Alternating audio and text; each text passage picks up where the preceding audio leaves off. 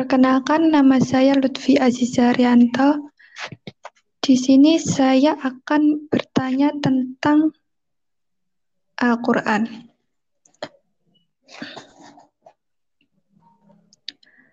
Pertanyaan pertama, mengapa Al-Quran disebut mujizat terbesar bagi Nabi Muhammad? Untuk pertanyaan kedua, bukti bahwa Al-Quran sebagai mujizat yang terbesar itu apa saja sebutkan. Sebutkan mukjizat Al-Quran dan jelaskan. Pertanyaan keempat, apa fungsi Al-Quran dalam agama? Pertanyaan kelima, apa fungsi Al-Quran bagi kehidupan manusia?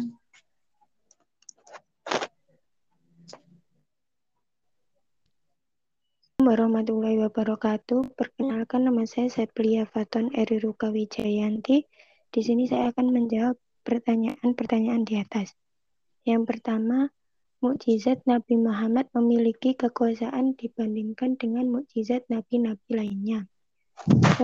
Mukjizat sebelumnya dibatasi oleh ruang dan waktu. Artinya hanya diperlihatkan kepada umat tertentu dan masa tertentu.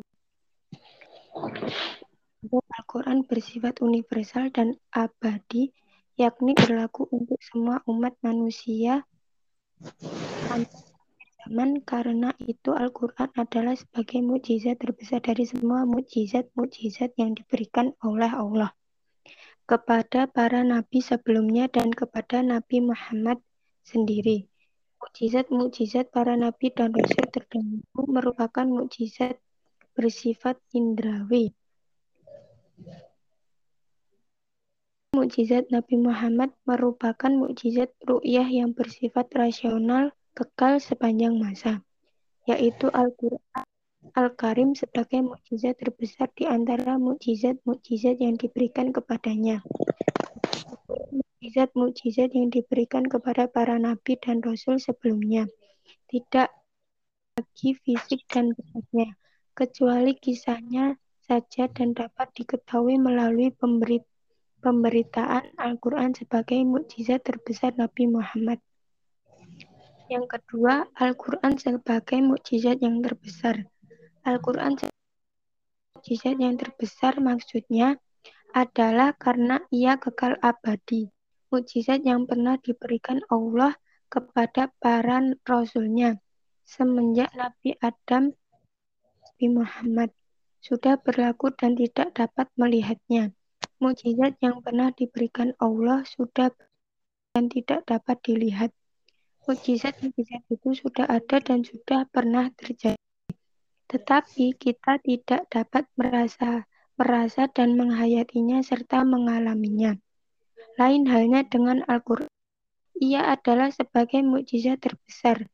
Ia kekal abadi umat Islam dan umat lainnya dapat memegang, membaca, menghayati, memahami, mengamalkan isinya untuk mencapai kebahagiaan dunia dan di akhirat nanti.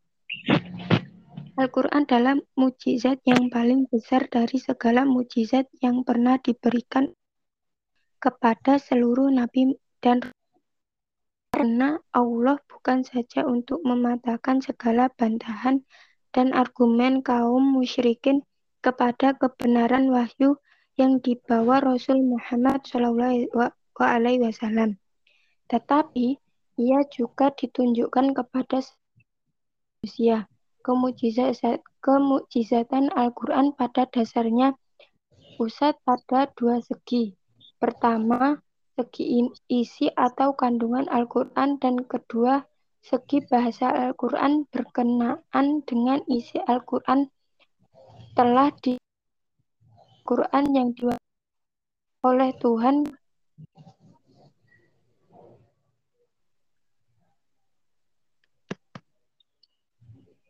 Oleh bahwa Al-Quran yang diwahyukan oleh Tuhan kepada Nabi Muhammad.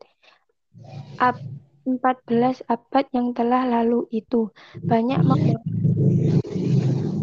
kemudian diakui kebenarannya oleh ilmu pengetahuan modern dewasa ini.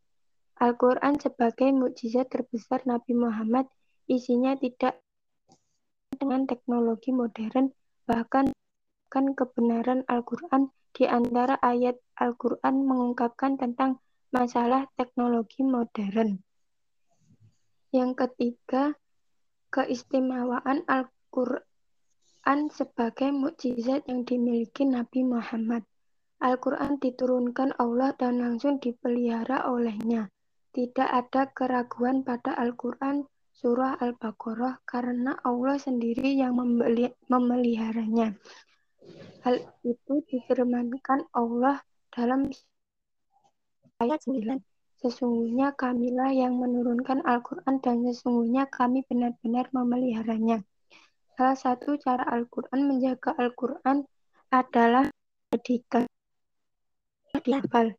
Sehingga saat ini ada ribuan berbagai belahan dunia yang menjadi penghafal Al-Quran dan hafizul Quran.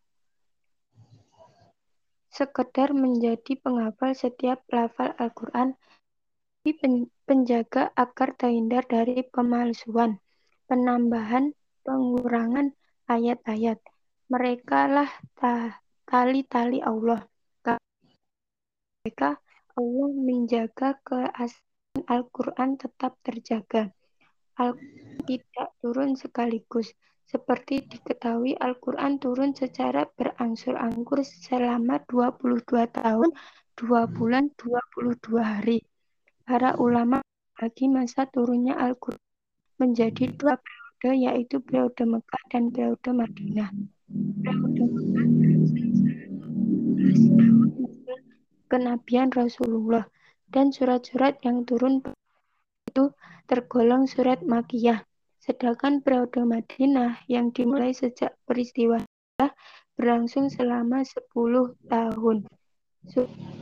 Pada kurun waktu itu disebut surah Madinah. Bersifat pembenar dari kitab-kitab sebelumnya. Hal itu dijabarkan Allah dalam surah Al-Madinah ayat 48 dan kami telah turunkan kepada Al-Quran dengan membawa kebenaran, membenarkan apa yang sebelumnya, kitab-kitab yang di sebelumnya dan batu ujian terhadap yang lain lain itu. Artinya apa? Sudah diketahui bersama bahwa kitab sebelum Al-Quran adalah Zabur, Taurat, dan Injil. Dari dalam kitab-kitab terdahulu tersebut, yang dibenarkan Allah, akidah, muamalah, tauhid dituang lagi dalam Al-Quran untuk menjadi peringatan dan petunjuk manusia. Berlaku seluruh umat manusia. Perbedaan dan Taurat yang berlaku untuk umat Nabi Musa Harun. Al-Quran kitab yang berlaku untuk belahan bumi maupun. Hal itu dibuktikan dalam kalam ilahi pada surah Al-Furqan ayat 1. Maksudnya Al-Quran menurunkan Al-Furqan kepada hambanya agar dia menjadi pemberi peringatan kepada seluruh alam. Yang ke fungsi Al-Quran dalam agama Islam. Yang pertama, Al-Huda, petunjuk.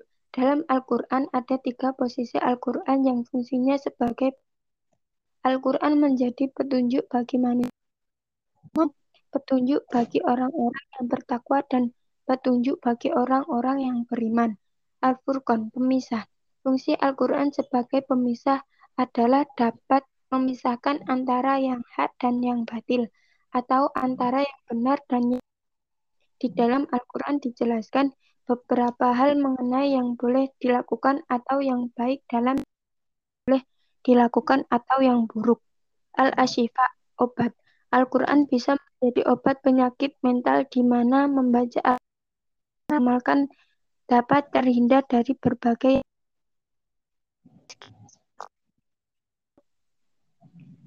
Meskipun Al-Quran hanya sebatas tulisan, namun membacanya dapat memberikan pencerahan bagi setiap orang yang beriman. Al-Mau'izah, nasihat. Di dalam Al-Quran terdapat nasihat-nasihat peringatan bagi orang-orang yang bertakwa, yang Allah. Nasihat yang terdapat di dalam Al-Quran biasanya sebuah peristiwa atau kejadian bisa dijadikan pelajaran bagi orang masa sekarang atau masa setelahnya. Yang kelima, Quran bagi kehidupan manusia. Berikan Al-Quran memberikan petunjuk agar umat manusia dapat terus berjalan di jalan yang lurus. Adalah manusia dan benar atau dalam istilahnya adalah di dalam yang lurus. Di dalam Al-Quran sudah dijelaskan mana yang telah yang salah dan serta peringatan kepada Allah merupakan mukjizat bagi Nabi Muhammad. Al-Quran adalah mukjizat yang diberikan kepada Nabi Muhammad lainnya yang diberikan dengan binatang, menyembuhkan penyakit, dan lain sebagainya. Al-Quran merupakan sumber dari segala sumber hukum dan pernah dari kitab-kitab yang terdahulu. Dan manusia. Fungsi Al-Quran selanjutnya adalah menjelaskan kepribadian manusia dibandingkan dengan makhluk lainnya di bumi. Manusia adalah makhluk membedakan baik dan buruk, membuatnya berbeda dengan binatang yang sama-sama Allah merupakan penyempurna bagi kita. Sebelum Al-Quran ada beberapa kitab Al-Quran yang juga diturunkan kepada Nabi Surat dan Zabur. Kitab Allah sebelumnya ditunjukkan pada umat pada zaman tersebut. Bedaan dengan Al-Quran yang digunakan sampai akhir zaman. Menjelaskan masalah yang pernah diperselisihkan umat sebelumnya. Al-Quran memantapkan is iman Islam. Tuntutan untuk menjalani kehidupan. Al-Quran berisi tentang hukum tuntutan manusia dalam menjalankan kehidupan di dunia. Di dalam Al-Quran mengatur bagaimana dengan orang lain berdagang, waris, zakat, dan masih banyak lagi. Sekian dari saya. Wassalamualaikum warahmatullahi wabarakatuh.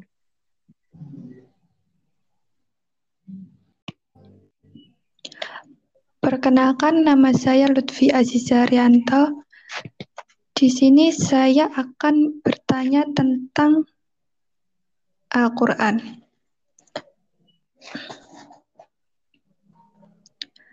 Pertanyaan pertama, mengapa Al-Quran disebut mujizat terbesar bagi Nabi Muhammad? Untuk pertanyaan kedua, bukti bahwa Al-Quran sebagai mujizat yang terbesar itu apa saja? Sebutkan. Sebutkan mukjizat Al-Quran dan jelaskan. Pertanyaan keempat, apa fungsi Al-Quran dalam agama? Pertanyaan kelima, apa fungsi Al-Quran bagi kehidupan manusia?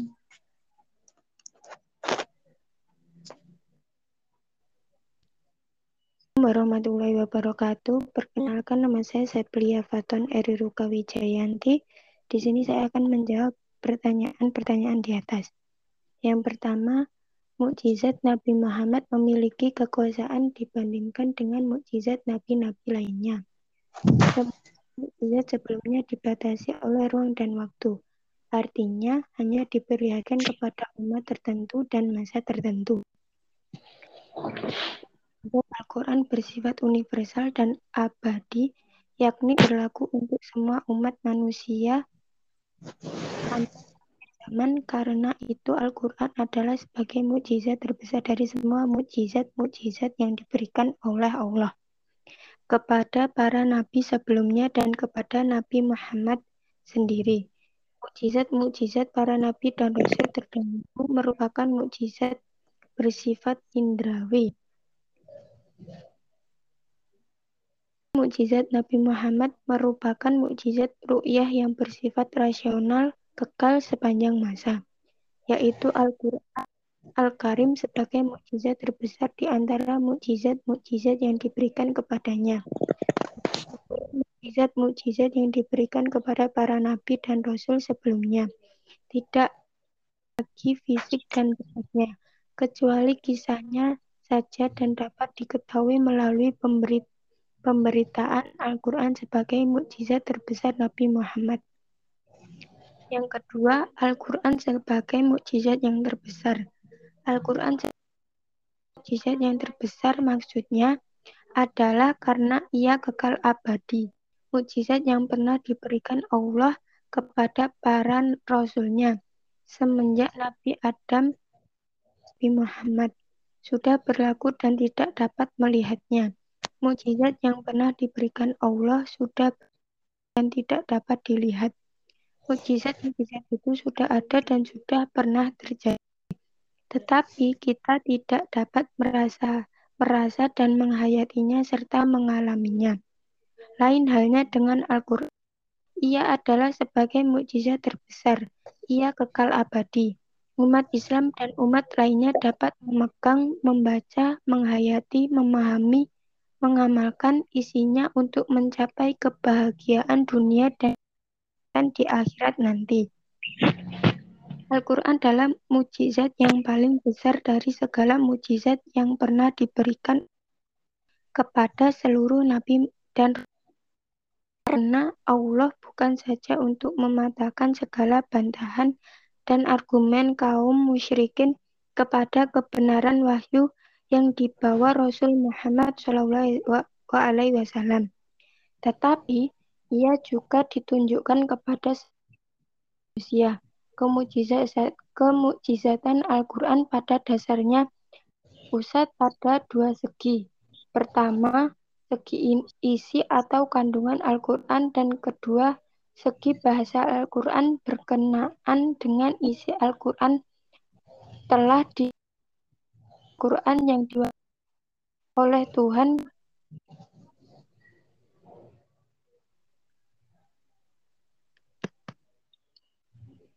Oleh bahwa Al-Quran yang diwahyukan oleh Tuhan kepada Nabi Muhammad 14 abad yang telah lalu itu banyak kemudian diakui kebenarannya oleh ilmu pengetahuan modern dewasa ini.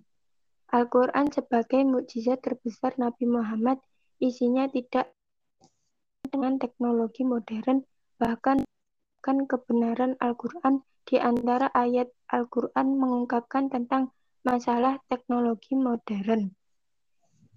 Yang ketiga, keistimewaan Al-Quran sebagai mukjizat yang dimiliki Nabi Muhammad. Al-Quran diturunkan Allah dan langsung dipelihara olehnya. Tidak ada keraguan pada Al-Quran surah Al-Baqarah karena Allah sendiri yang memeliharanya. Hal itu difirmankan Allah dalam ayat 9. Sesungguhnya kamilah yang menurunkan Al-Quran dan sesungguhnya kami benar-benar memeliharanya. Salah satu cara Al-Quran menjaga Al-Quran adalah jadikan dihafal. Sehingga saat ini ada ribuan berbagai belahan dunia yang menjadi penghafal Al-Quran dan hafizul Quran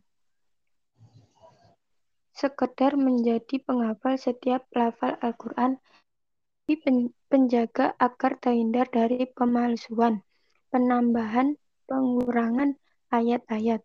Mereka lah tali-tali Allah. Mereka Allah menjaga keaslian Al-Quran tetap terjaga. Al-Quran tidak turun sekaligus, seperti diketahui, Al-Quran turun secara berangsur-angsur selama 22 tahun, 2 bulan, 22 hari. Para ulama bagi masa turunnya Al-Quran menjadi dua periode, yaitu periode Mekah dan periode Madinah. Periode Mekah tahun kenabian Rasulullah dan surat-surat yang turun itu tergolong surat Makiyah Sedangkan periode Madinah yang dimulai sejak peristiwa berlangsung selama 10 tahun. Pada kurun waktu itu disebut surah Madinah. Bersifat pembenar dari kitab-kitab sebelumnya. Hal itu dijabarkan Allah dalam surah Al-Madinah ayat 48 dan kami telah turunkan kepada Al-Quran dengan membawa kebenaran, membenarkan apa yang sebelumnya, kitab-kitab yang ditulis sebelumnya dan batu ujian terhadap yang lain, lain itu. Artinya apa? Sudah diketahui bersama bahwa kitab sebelum Al-Quran adalah Zabur, Taurat, dan Injil. Dari dalam kitab-kitab terdahulu tersebut, hal yang dibenarkan Allah, akidah, muamalah, tauhid dituang lagi dalam Al-Quran untuk menjadi peringatan dan petunjuk manusia. Berlaku umat manusia. Perbedaan dan Taurat yang berlaku untuk umat Nabi Musa Harun. Al kitab yang berlaku untuk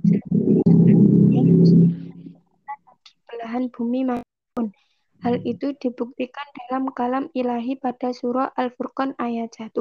Maha suci al menurunkan Al-Furqan kepada hambanya agar dia menjadi pemberi peringatan kepada seluruh alam. Yang ke fungsi Al-Quran dalam agama Islam. Yang Al-Huda, petunjuk.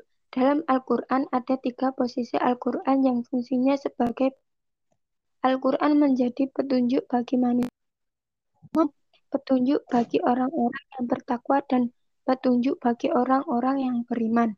Al-Furqan, pemisah. Fungsi Al-Quran sebagai pemisah adalah dapat memisahkan antara yang hak dan yang batil, atau antara yang benar dan yang di dalam Al-Quran dijelaskan beberapa hal mengenai yang boleh dilakukan atau yang baik dalam boleh dilakukan atau yang buruk. Al-Ashifa, obat. Al-Quran bisa menjadi obat penyakit mental di mana membaca amalkan dapat terhindar dari berbagai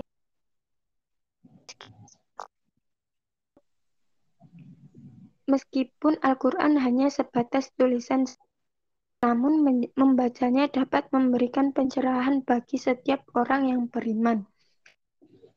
Al-Mau'izah, nasihat. Di dalam Al-Quran terdapat nasihat-nasihat peringatan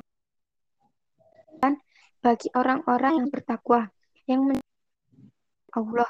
Nasihat yang terdapat di dalam Al-Quran biasanya sebuah peristiwa atau kejadian bisa dijadikan pelajaran bagi orang masa sekarang atau masa setelahnya. Yang kelima, Quran bagi kehidupan manusia. Berikan Al-Quran memberikan petunjuk agar umat manusia dapat terus berjalan di jalan yang lurus. Adalah manusia dan benar atau dalam istilahnya adalah di dalam yang lurus. Di dalam Al-Quran sudah dijelaskan mana yang telah yang salah dan serta peringatan kepada Allah merupakan mukjizat bagi Nabi Muhammad. Al-Quran adalah mukjizat yang diberikan kepada Nabi Muhammad lainnya yang diberikan dengan binatang, menyembuhkan penyakit, dan lain sebagainya. Al-Quran merupakan sumber dari segala sumber hukum dan pernah dari kitab-kitab yang terdahulu. Jelaskan manusia. Fungsi Al-Quran selanjutnya adalah menjelaskan kepribadian manusia dibandingkan dengan makhluk lainnya di bumi. Manusia adalah makhluk membedakan baik dan buruk membuatnya berbeda dengan binatang yang sama-sama Allah merupakan penyempurna bagi kita. Sebelum Al-Quran, ada beberapa kitab Al-Quran yang juga diturun, diturunkan kepada Nabi Surat dan Zabur. Kitab Allah sebelumnya ditunjukkan pada umat pada zaman tersebut. Tidak dengan Al-Quran yang digunakan sampai akhir zaman menjelaskan masalah yang pernah diperselisihkan umat sebelumnya. Al-Quran memantapkan is iman Islam, tuntutan untuk menjalani kehidupan. Al-Quran berisi tentang hukum tuntutan manusia dalam menjalankan kehidupan di dunia. Di dalam Al-Quran mengatur bagaimana dengan orang lain berdagang, waris, zakat, dan masih banyak lagi. Sekian dari saya. Wassalamualaikum warahmatullahi wabarakatuh.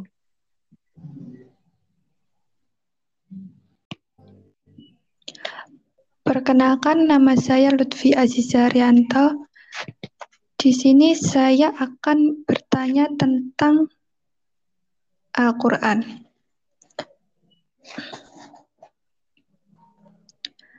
Pertanyaan pertama, mengapa Al-Quran disebut mujizat terbesar bagi Nabi Muhammad? Untuk pertanyaan kedua, bukti bahwa Al-Quran sebagai mujizat yang terbesar itu apa saja sebutkan. Sebutkan mukjizat Al-Quran dan jelaskan. Pertanyaan keempat, apa fungsi Al-Quran dalam agama? Pertanyaan kelima, apa fungsi Al-Quran bagi kehidupan manusia?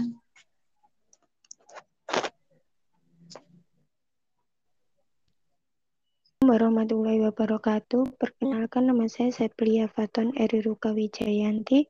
Di sini saya akan menjawab pertanyaan-pertanyaan di atas. Yang pertama, mukjizat Nabi Muhammad memiliki kekuasaan dibandingkan dengan mukjizat nabi-nabi lainnya. Mukjizat sebelumnya dibatasi oleh ruang dan waktu. Artinya hanya diperlihatkan kepada umat tertentu dan masa tertentu. Al-Quran bersifat universal dan abadi, yakni berlaku untuk semua umat manusia zaman karena itu Al-Quran adalah sebagai mukjizat terbesar dari semua mukjizat-mukjizat yang diberikan oleh Allah kepada para nabi sebelumnya dan kepada Nabi Muhammad sendiri. Mukjizat-mukjizat para nabi dan rasul terdahulu merupakan mukjizat bersifat indrawi Mukjizat Nabi Muhammad merupakan mukjizat ru'yah yang bersifat rasional kekal sepanjang masa, yaitu Al-Quran Al-Karim sebagai mukjizat terbesar di antara mukjizat-mukjizat yang diberikan kepadanya. Mukjizat-mukjizat yang diberikan kepada para nabi dan rasul sebelumnya tidak lagi fisik dan bentuknya, kecuali kisahnya saja dan dapat diketahui melalui pemberitaan Al-Quran sebagai mukjizat terbesar Nabi Muhammad. Yang kedua, Al-Quran sebagai mukjizat yang terbesar. Al-Quran mukjizat yang terbesar maksudnya adalah karena ia kekal abadi. Mukjizat yang pernah diberikan Allah kepada para rasulnya semenjak Nabi Adam Nabi Muhammad sudah berlaku dan tidak dapat melihatnya. Mukjizat yang pernah diberikan Allah sudah dan tidak dapat dilihat. Mukjizat-mukjizat itu sudah ada dan sudah pernah terjadi. Tetapi kita tidak dapat merasa merasa dan menghayatinya serta mengalaminya. Lain halnya dengan Al-Quran. Ia adalah sebagai mukjizat terbesar.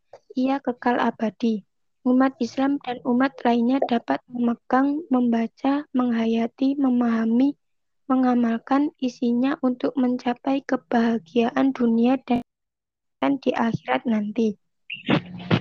Al-Quran adalah mujizat yang paling besar dari segala mujizat yang pernah diberikan kepada seluruh nabi dan karena Allah bukan saja untuk mematahkan segala bantahan dan argumen kaum musyrikin kepada kebenaran wahyu yang dibawa Rasul Muhammad SAW.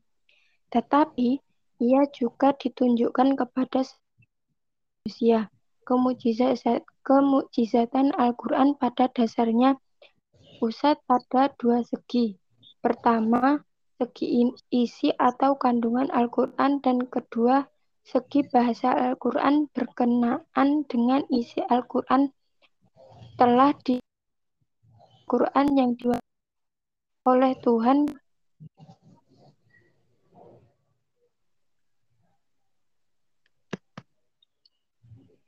oleh bahwa Al-Quran yang diwahyukan oleh Tuhan kepada Nabi Muhammad 14 abad yang telah lalu itu. Banyak kemudian diakui kebenarannya oleh ilmu pengetahuan modern dewasa ini. Al-Quran sebagai mukjizat terbesar Nabi Muhammad isinya tidak dengan teknologi modern, bahkan kan kebenaran Al-Quran di antara ayat Al-Quran mengungkapkan tentang masalah teknologi modern. Yang ketiga, keistimewaan Al-Quran sebagai mukjizat yang dimiliki Nabi Muhammad. Al-Quran diturunkan Allah dan langsung dipelihara olehnya. Tidak ada keraguan pada Al-Quran surah Al-Baqarah karena Allah sendiri yang memeliharanya. Hal itu difirmankan Allah dalam ayat 9. Sesungguhnya kamilah yang menurunkan Al-Quran dan sesungguhnya kami benar-benar memeliharanya. Salah satu cara Al-Quran menjaga Al-Quran adalah jadikan dihafal. Sehingga saat ini ada ribuan sebagai belahan dunia yang menjadi penghafal Al-Quran dan hafizul Quran sekedar menjadi penghafal setiap lafal Al-Quran, penjaga agar terhindar dari pemalsuan, penambahan, pengurangan ayat-ayat. Mereka lah tali-tali Allah. Mereka Allah menjaga keaslian Al-Quran tetap terjaga. Al-Quran tidak turun sekaligus. Seperti diketahui Al-Quran turun secara berangsur-angsur selama 22 tahun, 2 bulan, 22 hari. Para ulama bagi masa turunnya Al-Quran menjadi dua periode yaitu periode Mekah dan periode Madinah. Periode Mekah tahun kenabian Rasulullah dan surat-surat yang turun itu tergolong surat Makiyah. Sedangkan periode Madinah yang dimulai sejak peristiwa berlangsung selama 10 tahun. Pada kurun waktu itu disebut surah Madinah. Bersifat pembenar dari kitab-kitab sebelumnya. Hal itu dijabarkan Allah dalam surah Al-Madinah ayat 48 dan kami telah turunkan kepada Al-Quran dengan membawa kebenaran membenarkan apa yang sebelumnya kitab-kitab yang di sebelumnya dan batu ujian terhadap yang lain lain itu.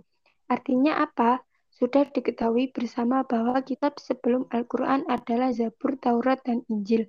Dari dalam kitab-kitab terdahulu tersebut, hal yang dibenarkan Allah, akidah, muamalah, tauhid, dituang lagi dalam Al-Quran untuk menjadi peringatan dan petunjuk manusia. Berlaku umat manusia. Perbedaan dan Taurat yang berlaku untuk umat Nabi Musa Harun. Akan kitab yang berlaku untuk belahan bumi maupun. Hal itu dibuktikan dalam kalam ilahi pada surah Al-Furqan ayat 1. Maksudnya Al-Quran menurunkan Al-Furqan kepada hambanya agar dia menjadi pemberi peringatan kepada seluruh alam.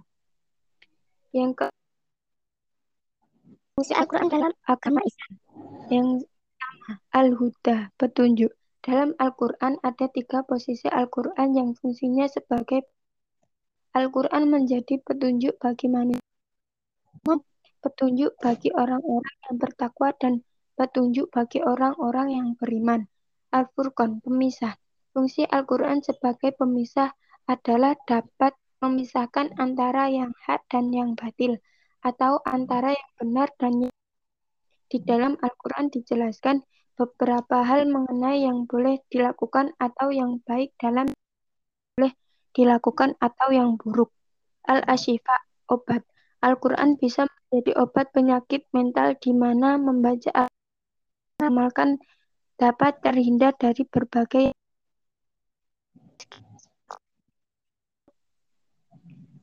Meskipun Al-Quran hanya sebatas tulisan, namun membacanya dapat memberikan pencerahan bagi setiap orang yang beriman. Al-Mau'izah, nasihat. Di dalam Al-Quran terdapat nasihat-nasihat peringatan bagi orang-orang yang bertakwa, yang Allah. Nasihat yang terdapat di dalam Al-Quran biasanya sebuah peristiwa atau kejadian bisa dijadikan pelajaran bagi orang masa sekarang atau masa setelahnya. Yang kelima, Al-Quran bagi kehidupan manusia. Berikan Al-Quran memberikan petunjuk agar umat manusia dapat terus berjalan di jalan yang lurus. Adalah manusia dan benar atau dalam istilahnya adalah di dalam yang lurus. Di dalam Al-Quran sudah dijelaskan mana yang telah yang salah serta peringatan kepada Allah merupakan mukjizat bagi Nabi Muhammad.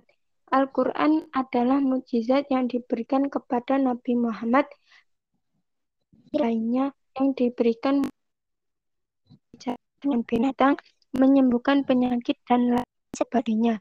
Al-Quran merupakan sumber dari segala sumber hukum dan pernah dari kitab-kitab yang terdahulu. Dan manusia. Fungsi Al-Quran selanjutnya adalah menjelaskan kepribadian manusia dibandingkan dengan makhluk lainnya di bumi. Manusia adalah makhluk membedakan baik dan buruk, membuatnya berbeda dengan binatang yang sama-sama Allah merupakan penyempurna bagi kita. Sebelum Al-Quran, ada beberapa kitab Al-Quran yang juga diturun, diturunkan kepada Nabi Surat dan Zabur. Kitab Allah sebelumnya ditunjukkan pada umat pada zaman tersebut Tidak dengan Al-Quran yang digunakan sampai akhir zaman. Menjelaskan masalah yang pernah diperselisihkan umat sebelumnya. Al-Quran memantapkan is iman Islam. Tuntutan untuk menjalani kehidupan. Al-Quran berisi tentang hukum tuntutan manusia dalam menjalankan kehidupan di dunia. Di dalam Al-Quran mengatur bagaimana dengan orang lain berdagang, waris, zakat, dan masih banyak lagi. Sekian dari saya. Wassalamualaikum warahmatullahi wabarakatuh.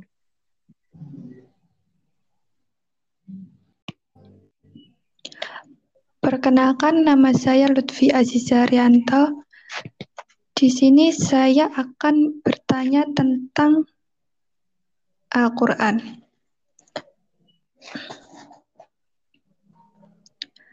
Pertanyaan pertama, mengapa Al-Quran disebut mujizat terbesar bagi Nabi Muhammad? Untuk pertanyaan kedua, bukti bahwa Al-Quran sebagai mujizat yang terbesar itu apa saja? Sebutkan. Sebutkan mukjizat Al-Quran dan jelaskan. Pertanyaan keempat, apa fungsi Al-Quran dalam agama? Pertanyaan kelima, apa fungsi Al-Quran bagi kehidupan manusia?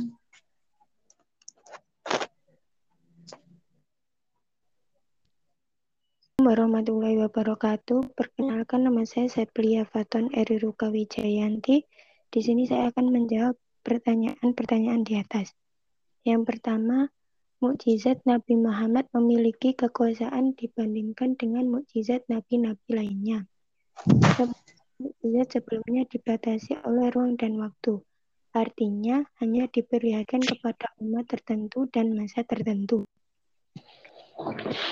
Al-Quran bersifat universal dan abadi, yakni berlaku untuk semua umat manusia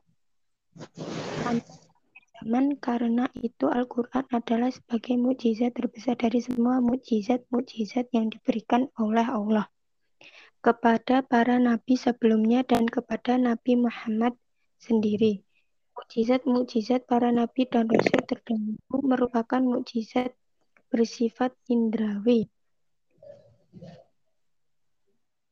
Mukjizat Nabi Muhammad merupakan mukjizat ru'yah yang bersifat rasional kekal sepanjang masa, yaitu Al-Quran Al-Karim sebagai mukjizat terbesar di antara mukjizat-mukjizat yang diberikan kepadanya.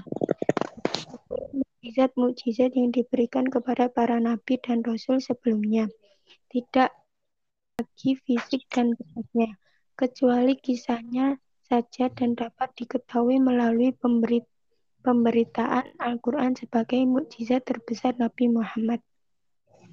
Yang kedua, Al-Quran sebagai mukjizat yang terbesar.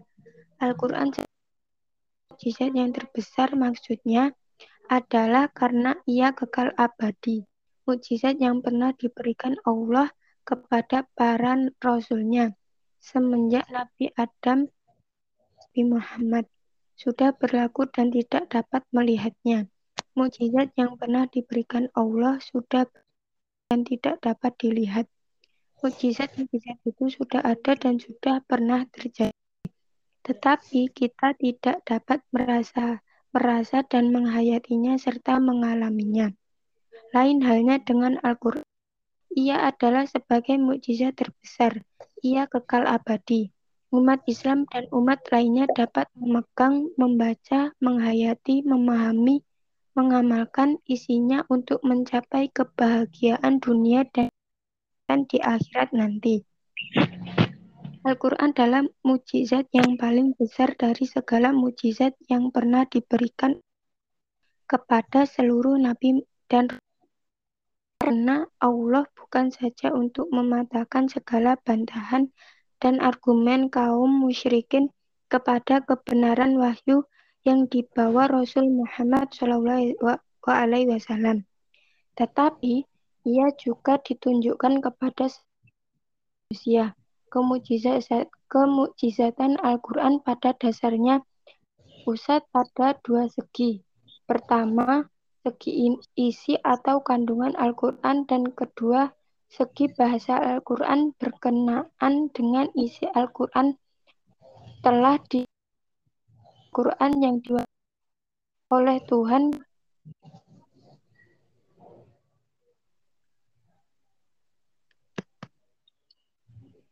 Oleh bahwa Al-Quran yang diwahyukan oleh Tuhan kepada Nabi Muhammad.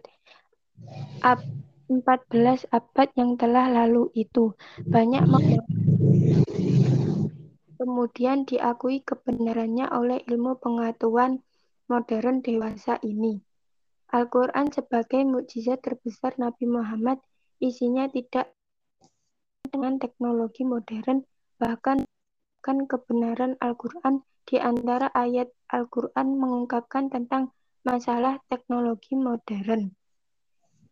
Yang ketiga, keistimewaan Al-Quran sebagai mukjizat yang dimiliki Nabi Muhammad.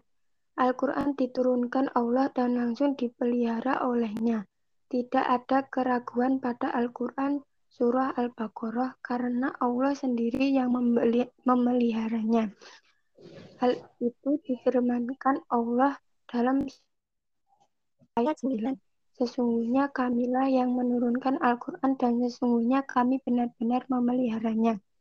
Salah satu cara Al-Quran menjaga Al-Quran adalah jadikan dihafal. Sehingga saat ini ada ribuan berbagai belahan dunia yang menjadi penghafal Al-Quran dan hafizul Quran. Sekedar menjadi penghafal setiap lafal Al-Quran, penjaga agar terhindar dari pemalsuan, penambahan, pengurangan ayat-ayat. Mereka lah tali-tali Allah. Mereka Allah menjaga keaslian Al-Quran tetap terjaga. Al-Quran tidak turun sekaligus. Seperti diketahui Al-Quran turun secara berangsur-angsur selama 22 tahun, 2 bulan, 22 hari.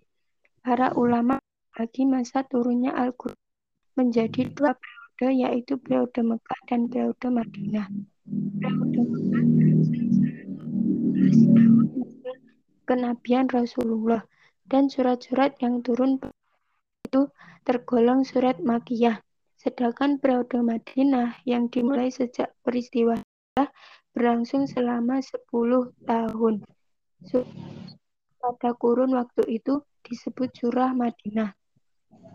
Bersifat pembenar dari kitab-kitab sebelumnya.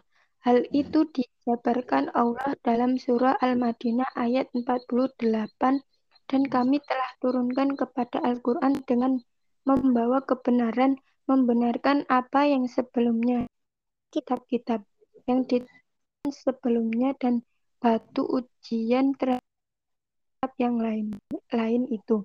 Artinya apa? Sudah diketahui bersama bahwa kitab sebelum Al-Quran adalah Zabur, Taurat, dan Injil. Dari dalam kitab-kitab terdahulu tersebut, yang dibenarkan Allah, akidah, muamalah, tauhid dituang lagi dalam Al-Quran untuk menjadi peringatan dan petunjuk manusia. Berlaku umat manusia. Perbedaan dan Taurat yang berlaku untuk umat Nabi Musa Harun. Al kitab yang berlaku untuk belahan bumi maupun. Hal itu dibuktikan dalam kalam ilahi pada surah Al-Furqan ayat 1. Maha suci Al-Quran menurunkan Al-Furqan kepada hambanya agar dia menjadi pemberi peringatan kepada seluruh alam.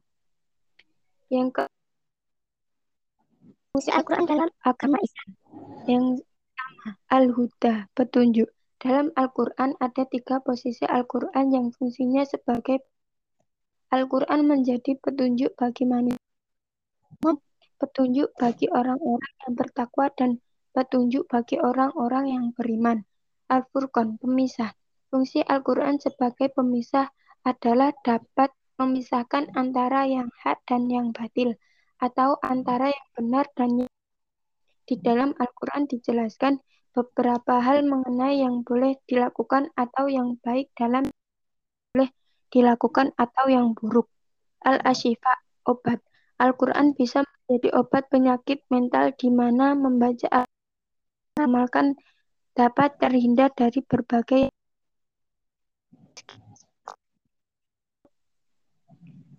Meskipun Al-Quran hanya sebatas tulisan, namun membacanya dapat memberikan pencerahan bagi setiap orang yang beriman. Al-Mau'izah, nasihat. Di dalam Al-Quran terdapat nasihat-nasihat peringatan bagi orang-orang yang bertakwa, yang Allah. Nasihat yang terdapat di dalam Al-Quran biasanya sebuah peristiwa atau kejadian bisa dijadikan pelajaran bagi orang masa sekarang atau masa setelahnya. Yang kelima, Quran bagi kehidupan manusia.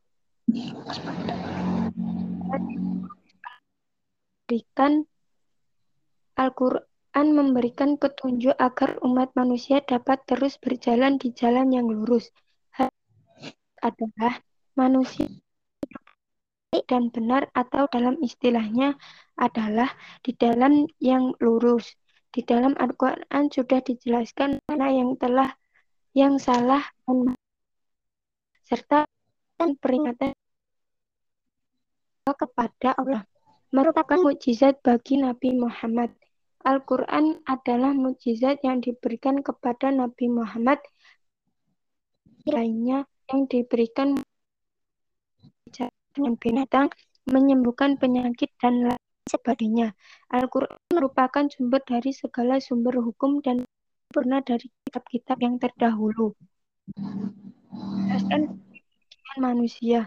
Fungsi Al-Quran selanjutnya adalah menjelaskan kepribadian manusia dibandingkan dengan makhluk lainnya di bumi. Manusia adalah makhluk membedakan baik dan buruk, membuatnya berbeda dengan binatang yang sama-sama Allah merupakan penyempurna bagi kita.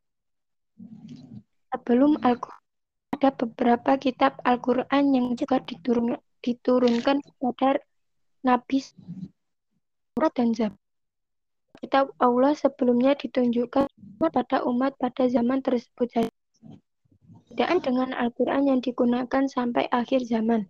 menjelaskan masalah yang pernah diperselisihkan umat sebelumnya. Al-Quran memantapkan is iman Islam, tuntutan untuk menjalani kehidupan. Al-Quran berisi tentang hukum tuntutan manusia dalam menjalankan kehidupan di dunia. Di dalam Al-Quran mengatur bagaimana dengan orang lain berdagang, waris, zakat, dan masih banyak lagi. Sekian dari saya. Wassalamualaikum warahmatullahi wabarakatuh.